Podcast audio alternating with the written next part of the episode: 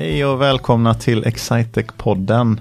Jag som pratar heter Johan Kallblad och jag jobbar som vd på Excitec. Och vi på Excitec är ett lösningslevererande konsultföretag som försöker göra vardagen effektivare, enklare och roligare för våra kunder genom att ge de bästa möjliga IT-stöd för sin verksamhet. Mm. Och eh, jag är i Göteborg idag, spelar in några poddar och mm. eh, vi kom och pratade om det här, vi hade en inspelning med Kristoffer Lillevang.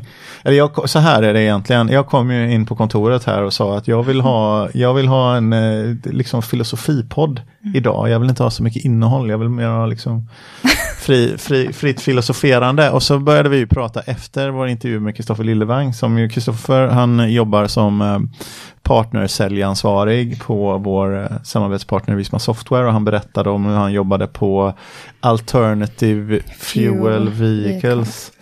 Eh, en avknoppning från Volvo som gjorde gaskonverteringar tror jag av, mm. av Volvobilar för att kunna driva dem med alternativa bränslen då. Mm. Och så mm. pratade vi om det här med bränslen och el och så vidare. Men jag och Frida fortsatte prata efteråt och då, ja. då tyckte jag vi kom in på det här filosofiska. vi, vi kom in på någonting elbil versus dieselbil och hur snabbt man får igen miljöinvesteringen om man säger så med en elbil.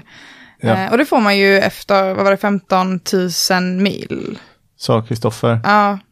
Så att eh, på så sätt så kanske inte miljömässigt elbilen är det absolut uppenbara valet i alla lägen. Men så kommer vi in på det här med smog och luftkvalitet. Ja. Och där slog vi igång mickarna. De, ja, det, ja, för att det är som så, jag tyckte det, i och för sig att det var lite orättvist för att vi ska ge det, det här blir en typisk filosofisk fråga som jag tycker är bra. Det, det är ju ifall vi ska liksom låta eh, bensinbilen eller dieselbilen få alla goda egenskaper i hundra år av utveckling av den, ska de få tillgodoräkna sig alla de sakerna som de har förbättrat under de hundra åren medan elbilen som bara har funnits i tio år eller någonting i den stilen. Nu kommer väl någon sån här veta bättre typ säga att nej det var faktiskt 1896 kom den första elbilen men vi vet ju att det var i verkligheten var det ingen som hade elbil fram till för fem, sex, sju år sedan. Mm. Eller någonting mm. Men ska man låta dem straffas över att de inte byggt ut sina försörjningskedjor och sånt lika effektivt som, mm. som, som elbilarna. Men du sa, ja vi pratade om fusk. Ja. Och diesel. Dieselbilsfusk ja. med luftfiltret. Nej, något annat filter. Det är inte luftfilter. Det är något eh, reningsfilter på något sätt. Jag har ingen koll på vad det filtret heter. Men det är ett Nej. filter. Ja. Och det var ju något fusk med det. Så att de fick ner värdena, att de inte släppte ut lika mycket skadliga partiklar. Precis. Uh, jag tror att det var så här att programvaran i bilarna märkte att nu håller du på att köra en körtestcykel. För de här mm. testcyklerna som man testar, de är så här förutbestämda. Att vi, nu kör vi 60 km i timmen och nu minskar vi till 40 och nu minskar vi till 20 mm. och så och sen startar vi igen. Och då kände den igen, vänta lite här nu, det här känns som en körcykel. Och så mm. stängde de väl av liksom halva motoreffekten. Och Mm. slog på någon specialgrej till filtret och så vidare för att, för att få det. För. Det är ganska eländigt egentligen. Det är ju mm. Volkswagen som fick stå i skottgluggen mm. för det där. Men det finns de som säger att till exempel Volvo gör det på, på samma sätt mm. och att det har satt sig Ja men, precis, ja, nej, men eh, absolut. Och eh, jag tycker ju luftkvalitet, det är så här oklar sak att vara engagerad i, men det är skrämmande dålig luftkvalitet i våra flesta städer. Så alltså, man vet ju att Hongkong, eh, Kinas större städer, det är dålig luftkvalitet. Det är ju liksom så här, det förkortar ju livslängden på riktigt. Det är ju som att, jag kommer inte ihåg vilken stad det var, men att det var som att röka ett helt paket cigaretter om dagen. Och vem skulle göra det? man ser inte ens cool ut. Nej, exakt. Man bara går omkring och ser ocool ut istället. Ja. Men vad, vad är, är, det dieselbilarna då som ligger bakom? Ja, men som jag har förstått det större delen i alla fall. Det är Väl, ju någon slags Välkommen partikel. till Excitec-podden, spekulation i fakta. Ja. så killgissa totalt hela vägen. Ja. Nej, men, eh, och då har det visat sig att Göteborg har rätt så dålig luftkvalitet på många ställen. Eh, och det är ju tråkigt. Uh, och Linköping verkar ha lite bättre då kanske. Det kanske har det. Du uh. tänker att Linköping är mer lantligt? Ja, och kanske på... mer utspritt, inte så tajt stadskärna. För det är ofta platt det. också. Uh. Det är ingen sån gryta, som Los Angeles-gryta med bergssluttningar runt om. Som... Men för, däremot för 30 år sedan, då pratade man ju om Los Angeles-smoggen. Kanske mm. 20 år sedan också, men det gör man ju inte längre. Nu är det ju Pekingsmogen mycket, så jag mm. tror att just i Los Angeles är det, det var väl sedan införandet av katalysatorerna och sånt, de var ju mm. väldigt tidiga i Kalifornien på det. Nu mm. killgissar vi ja. ännu mer här. Men det är så, jag bara håller med, jag har ingen så, aning vad du pratar om. nej, det, är så. Men det, det som jag egentligen ville fråga då, för jag sa att jag ville vara lite filosofisk idag, mm. och nu blir det en filosofipodd här då, på, på faktiskt, jag har fått lyssnaranmärkningar på att det har varit för mycket innehåll och för lite filosofi i de senaste avsnitten.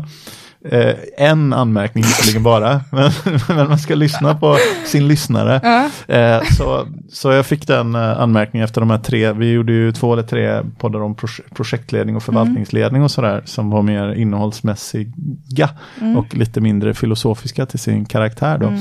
Det jag egentligen ville fråga dig, för jag hade satt och hade den här frågan och jag har mm. till och med varnat dig, även om du, jag, jag ser på det att du inte har svar. Det är 30 minuter innan. Ja, men jag ville fråga dig så här, kan du berätta om någonting som du har ändrat dig om de senaste åren? Eh, ja, men det är ju mycket kopplat till miljö. Det är ju en eh, debatt som har varit eh, nu under många år. Sen har jag vuxit upp under den här tiden också. Um, och det är ju en, man blir ju formad av det som händer i ens omgivning. Uh, och jag kommer ju från ett mycket mindre samhälle ute på landet, Uh, mycket mer Eh, självförsörjande. Man, man tänker på ett annat sätt kring eh, återvinning och att ta hand om mycket mer själv och hela den här biten. Och när jag flyttade hemifrån för massa år sedan, då blev det väldigt uppenbart för mig att resten av Sverige lever inte så. Um, så jag har ju ställt om mig kontinuerligt till att försöka få in det mer i min vardag hela tiden. Uh, sluta äta kött, uh, fast jag är uppväxt på i princip bara kött. Uh, men då är det ju mer rådjur, älgar, vildsvin. Um, och uh, har tagit bort helt. Uh, du äter inte kött överhuvudtaget? Nej. Då?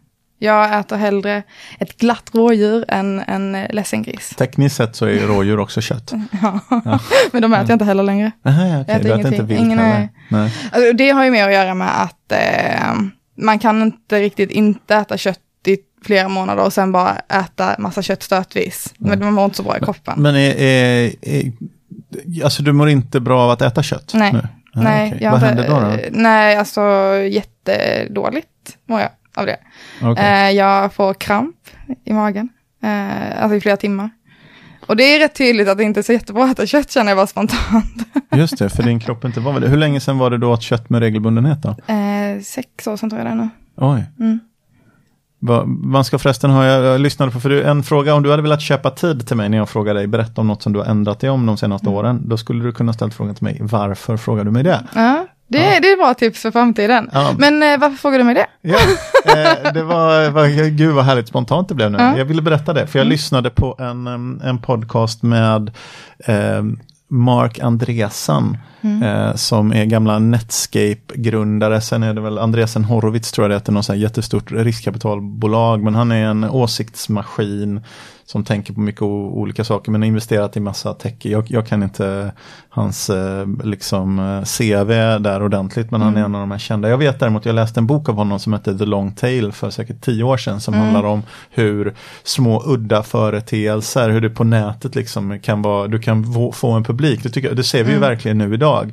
Men hans tes var att man kommer kunna få en publik för jättesmala eh, intressen om du eh, gör det liksom globalt och det kan du göra på nätet eftersom mm. det jämnar ut. Förut kunde du bara titta på liksom de skivorna som fanns i din lokala skivbutik och nu mm. kan du få vad som helst distribuerat. Och det, gör, det är därför som det finns den här Youtube-kanalen med, med människor som eh, recenserar hissar mm. till exempel. Det är ett mm. smalt intresse mm. men, eh, men som har jätte, liksom, några hundratusen eh, följare. Då. Men, eh, och det finns säkert ännu mycket mer mm. konstiga saker än det. Men så han eh, sa att det var en bra fråga. Eh, för jag lyssnade på en podd med honom. Men en sak som han, som han sa generellt sett som tanke så saker att ändra sig då på temat att jag lyssnade på en Tim Ferris var det som intervjuade honom. Men, men han pratade om strong beliefs loosely held. Så man ska mm. ha starka övertygelser och hålla i dem löst. Mm. Så man är beredd på, mm. på att, för det problemet, för det första sa han, ena problemet är att folk har inte tillräckligt starka övertygelser. Och sen det enda, när de har det så blir de för, så, så är de inte beredda att ändra sig även mm. om de uppenbarligen har fel. Mm. Liksom. Men det tycker jag var en rolig, Men intressant tanke. rolig tankemodell. Har du starka övertygelser? Som jag, jag är beredd på att ändra mig. Jag, jag upplevde när jag lyssnade på det där, nu är det väldigt lätt, han är väldigt framgångsrik och man vill själv vara framgångsrik, så man vill ju liksom söka en grad av identifiering. Ja. Men jag tyckte vissa delar av det, det kände jag så här, ja men sådär, jag kan nog faktiskt tänka mig att ändra mig. Mm. Eh, om saker mer än genomsnittliga medelålders mm. eh, vita mannen, påstår jag. Men vi mm. kan ju ta icke, jag har ingen stark övertygelse på köttsidan, förutom att jag helt plötsligt uppenbarar sig för mig det absurda med att eh, liksom äta djur. Alltså det, alltså, det var mer det, mm. alltså det hela den absurda, så jag är, är ny, eh, ny uppfunnen eh, vegoätare. Eller jag, nu är det är vid månadsskiftet februari-mars. Så jag har mm. helt hittills klarat, jag har klarat jag har klarat, tagit mig fram 2020 utan kött. Mm. Så, men jag är inte alls i det läget att jag är beredd att till exempel berätta om det och basunera ut det på en podd och säga att det är så man ska leva. För det är inte, jag är inte där. Eh, mentalt. Jag bara testar för min egen skull, för jag vill testa vad som... Men det finns ju massor olika saker som kan motivera en där. Och ja, att inte äta djur motiverar ju mig såklart, eh, som en del i det. Men också så här, hälsa. Det är inte hälsosamt att äta rött kött. Och det är ju inte bara vegansamfundet som har kommit på det, utan det är liksom, eh, vad heter det i Sverige, hälso... Det här ministeriet, minister... Det vet jag inte, det finns säkert något folkhälsoinstitut. Folkhälsomyndigheten, det är jag söker. Folkhälso, var det, var det ja, de, de som sa 68 skivor bröd också? För... nej. nej, ja, nej men de säger väl, är det typ så en, en gång i veckan? Ja. Det är ju jättelite. Och om det är så lite, då behöver man inte göra det alls. Eh, jag, jag vet inte, jag har inte kommit så långt i min... Eh, jag, jag är fortfarande, mitt problem är fortfarande att jag inte har ehm, en eh, vad heter det, min, min egen liksom mentala infrastruktur eller min rutin kring vad jag lagar för mat. Mm. Är, den sitter, sitter inte riktigt där mm. ännu för mig utan jag tänker ja, då ska vi börja med kyckling eller entrecote. Liksom. Och det är så väldigt svårt. Då. ja. De här entrecote-rätterna, om man tar bort entrecote ur dem så blir det ju inte riktigt samma rätt. Eh, så du får jag, börja med en kikärta istället. Ja, fast kikärtor och entrecote är inte riktigt samma sak. men, men jag, jag ändå försöker, eh, så, så att jag, jag, fast så hade jag min kompis som, som började, som faktiskt var den som Joakim, shoutout till honom här, som började utmana mig. Så jag frågade honom, vad, men vad lagar du, vad gör du?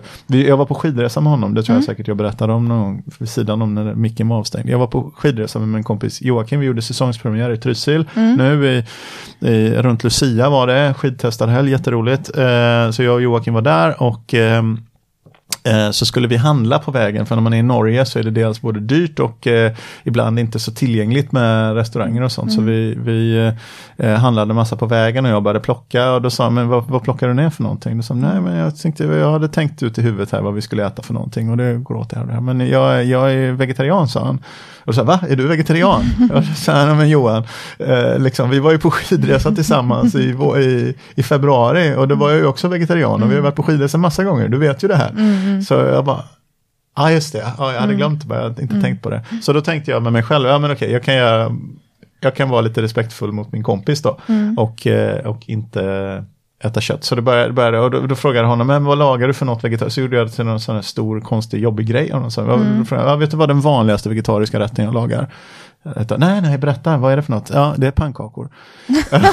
så här, ja, har du någonsin gjort pannkakor med kött? Mm, mm. då säger nej, det har jag inte gjort. Nej, men du, du ser, det finns en massa maträtter som du mm. äter som inte innehåller kött. Mm. Det är bara en fråga om att eh, liksom bygga upp sitt referensramsbibliotek med fler mm. sådana. Mm. För du kommer aldrig, du står aldrig liksom där och gör pannkakor och tänker, ja nu ska vi ta lite dött djur här också. På den här.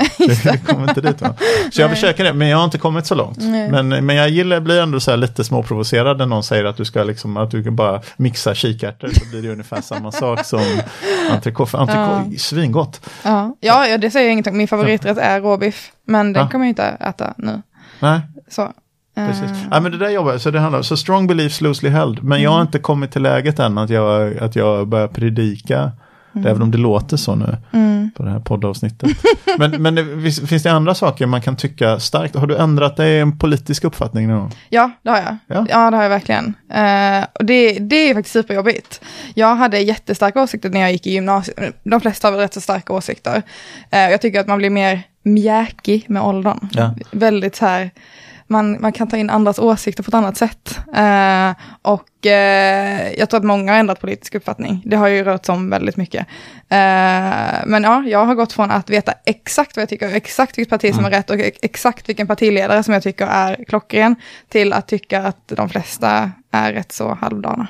Ja. Eh, så det är ju en utmaning.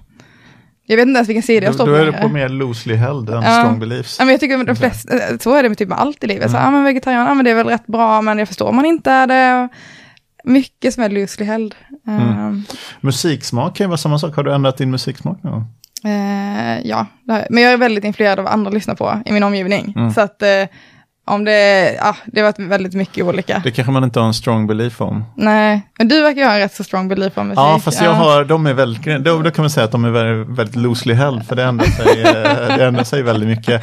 Ja. Det snurrar runt uh, hela varvet. Däremot så är jag lite extra stolt över min, uh, min äldsta son som tog när han listade, han gjorde någon sån här bildkollage och la ut, det var väl någon, någon sån här app som var populär i några veckor här för några månader sedan. Så han gjorde något bildkollage om sina hundra favoritalbum så la man ut så fick de olika stor som ett sånt world, mm, word mm. cloud, olika stor plats beroende på hur mycket man tyckte om dem. Och hans största var Rise and Fall of Ziggy Stardust, den, den gamla David Bowie eh, mm. skivan. Och det tyckte jag, då har jag uppfostrat min, eh, min son eh, liksom en 2000-tals eh, eh, produkt mm. väl om man tycker Rise and mm. Fall of Ziggy Stardust. Det, det, sen var det många jag inte kände igen också, mm. men just den, den kände jag igen. Men har du eh, ändrat dig? jag har ju Förutom det här med att bli vegetarian. Ja, men jag brukar, det är samma, det är så som livet utvecklar sig lite grann, det här att man är så himla övertygad om saker, så blir man mindre och mindre övertygad. Mm. Så tycker jag är verkligen i berättelsen om mitt liv. Jag visste också exakt, eh, hade åsikter om allting. Men det är ju enklare ibland att vara stensäkert övertygad om någonting. För, fast då har jag, vet du vad jag har ändrat mig om? Jag har en stor sak. Mm. Som inte är så här livsförändrande. Men jag Eh, jag slutade använda Facebook och det är ju inte, det gör ju alla andra också 2020, men jag slutade i och för sig eh, för två år sedan. Ehm, och jag gjorde det inte, jag tror inte, jag upplever att jag inte gjorde det av exakt samma skäl som alla andra, för jag gjorde det strax efter presidentvalet i USA. Mm. Eh, men jag slutade inte med det därför att alla var så här, ja men gud, ryssarna har påverkat valet och Facebook betedde sig omoraliskt och Hillary borde ha vunnit och så där, mm, så sa alla i mitt flöde. Eh, det som jag gjorde att jag kände att den här, jag kan inte använda den här informationskällan, den ger mig ingenting, det var att alla i mitt flöde var chockade över att Donald Trump vann. Mm. Eh, och sen så pratade vi en massa om åsiktskorridoren och som att det var något som handlade om högernationalister och sånt, att det var de som var på fel mm. ställe uppenbarligen, för mm. de förstod ju inte att hur det borde gå till. Och, så och sen insåg jag, men vänta lite, det är ju jag som har byggt mig en åsiktskorridor. Mm. Alltså, det här är ju galet. I hela min, mitt flöde, jag hade inte någon som trodde något annat än att Hillary skulle vinna en promenadseger. All mm, information mm. jag bombarderade mig själv med, alltså det är jag som har satt upp mm. väg, det är, ju, det är ju inte de andra mm. som jag ska tänka på. Jag måste ju ifrågasätta min egen nyhetskälla och vad jag hämtar och vad är det, för det är klart att jag har bara gillat andra människor som, mm. som inte gillade Trump och man liksom har hånat honom och så här, är, mm. man får titta på sig själv där. Så där har jag ändrat mig i fråga om att jag inte längre, jag är inte förskräckt över hur det kan finnas enklaver av Jordan Peterson-älskare som tycker att Donald Trump är bra eller hur det nu kan typ av vara. Utan det som jag, det är ju min, min egen begränsade konsumtion mm. och likställig eh, liksom information som jag lyssnar på. Så jag har börjat lyssna lite mer på, nu, nu till mina lyssnare, jag är inte beredd att berätta det här till exempel om vi hade spelat in det här, jag hade berättat det här, men jag lyssnar en del på Ben Shapiro nu. Mm. Eh, till exempel, först så började jag följa så här, Cissi Wallin och lite sådana, sen var det lite, kanske lite väl mycket, men följa ganska radikala feminister mm. så här, på Instagram och sånt för att för, för, Det är väldigt det. intressant. Ja, ja, det är intressant. Ja, eh, men det är väldigt intressant. Mm. Men inte för att vara något emot, utan för att vara för. Mm. Liksom. Så så, och sen, jag har två tonårsdöttrar, jag brukar identifiera mig som feminist ganska, mm. Eh, det är jag ganska, om vi hade haft avstängt här så kan jag vara ganska radikal i den uppfattningen, mm. fast det mm. handlar mycket tror jag om att jag påverkas av mina två tonårsdöttrar. Mm. Eh, men jag började även lyssna på konservativa, alltså Ben Shapiro är ju liksom ortodox jude som mm. har en stor podd och är lite skrikig och sådär. Men, men ändå alltså alltid bildad och alltid intressant. Mm. Eh, pro-life är ju lite otäckt i Sverige. Om man skulle mm. antyda att man kan, eh, att man överhuvudtaget kan, eh, kan liksom vara på det ofödda barn, fostrets sida. Ja, ja. Så är man, ju, då är man ju lite småsjuk. Men det är intressant att höra någon, för han är ju då väldigt pro-life, alltså inte Mm. pro-choice, alltså han är anti-abort. Eh, men att ändå lyssna på det, tänker jag, har jag egentligen lyssnat på argumentationen eller har jag bara varit så fast övertygad i min egen, eh, i min egen uppfattning? Så det kan Så- ju vara en väldigt vettig tanke att göra så. Det, för att kunna veta var man står så måste man ju veta vad andra sidan tycker också. Ja. Annars kan man ju inte ha några vettiga argument för att inte tycka så. Ja. Men ja, det är intressant. Det är inte en fråga, jag bara tyckte det var intressant. Det var första gången som jag inte, jag har lyssnat lite mer på de här konservativa, jag lyssnar på båda sidorna då. Mm. Och oftast direkt efter varandra. Det är speciellt väldigt intressant nu när vi har pre, vad heter det, primärval i USA. Mm. Det är väldigt intressant. För om du lyssnar på båda sidorna direkt efter varandra så kommer de ju prata om samma debatt. Mm. Och ha ganska ofta hyfsat samma uppfattning om vad som sades och hur det gick till. Sen har de några väldigt olika grundvärderingar antagligen. Men det är ganska intressant att höra båda sidorna berätta, recensera samma debatt till exempel. Det är superintressant. Så det är väl eh, ett tips då. Tips. Någon berättar om något. Lyssna på båda sidorna i en debatt och var försiktig för när du blir upprörd och indignerad över åsiktskorridorer så kanske det stora problemet är att du har byggt den åt dig själv på samma sätt som jag gjorde. Så där har jag ändrat mig. Det är bra. Men hur gör du på LinkedIn då? För du är väldigt aktiv på LinkedIn.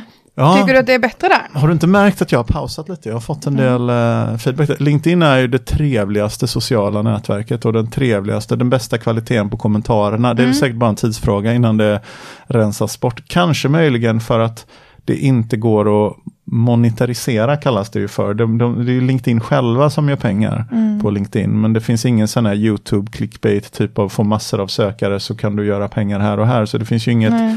det kommersiella intresset på LinkedIn, i det absurda, eftersom det är ett kommersiellt nätverk ju, så är det, det stora kommersiella intresset kring LinkedIn är ju LinkedIn själva Mm. och inte ehm, content, alltså innehållskreatörerna på LinkedIn, de får ju inga pengar egentligen.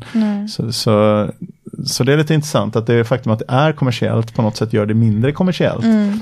Eh, Så jag tycker det är den trevligaste tonen. Eh, Jag la ut alldeles nyligen ett som hade ma- massor av del, eller gillanden på. Det var, vi la ut att vi letade efter kontor Mm. i Helsingborg. Det var faktiskt en sån kontakt. Det var många, jag fick ju 30-40 kontakter så det var lite för mycket så jag Mm. ångrade mig lite att jag la ut. Jag fick massor av kontakter. Men det visade sig ändå att det kontoret som vi faktiskt hyrde sedan, Mm. det var på en kontakt som kom till oss från LinkedIn som hade sett, eller han hade hört att någon hade sett att Mm. vi sökte ett kontor och han hade ett riktigt, riktigt bra som passade mig. Och det hade jag inte nått ut till, för det låg inte ute på någon av de ställena vi letade efter kontor. Hos någon av de stora hyresvärdarna.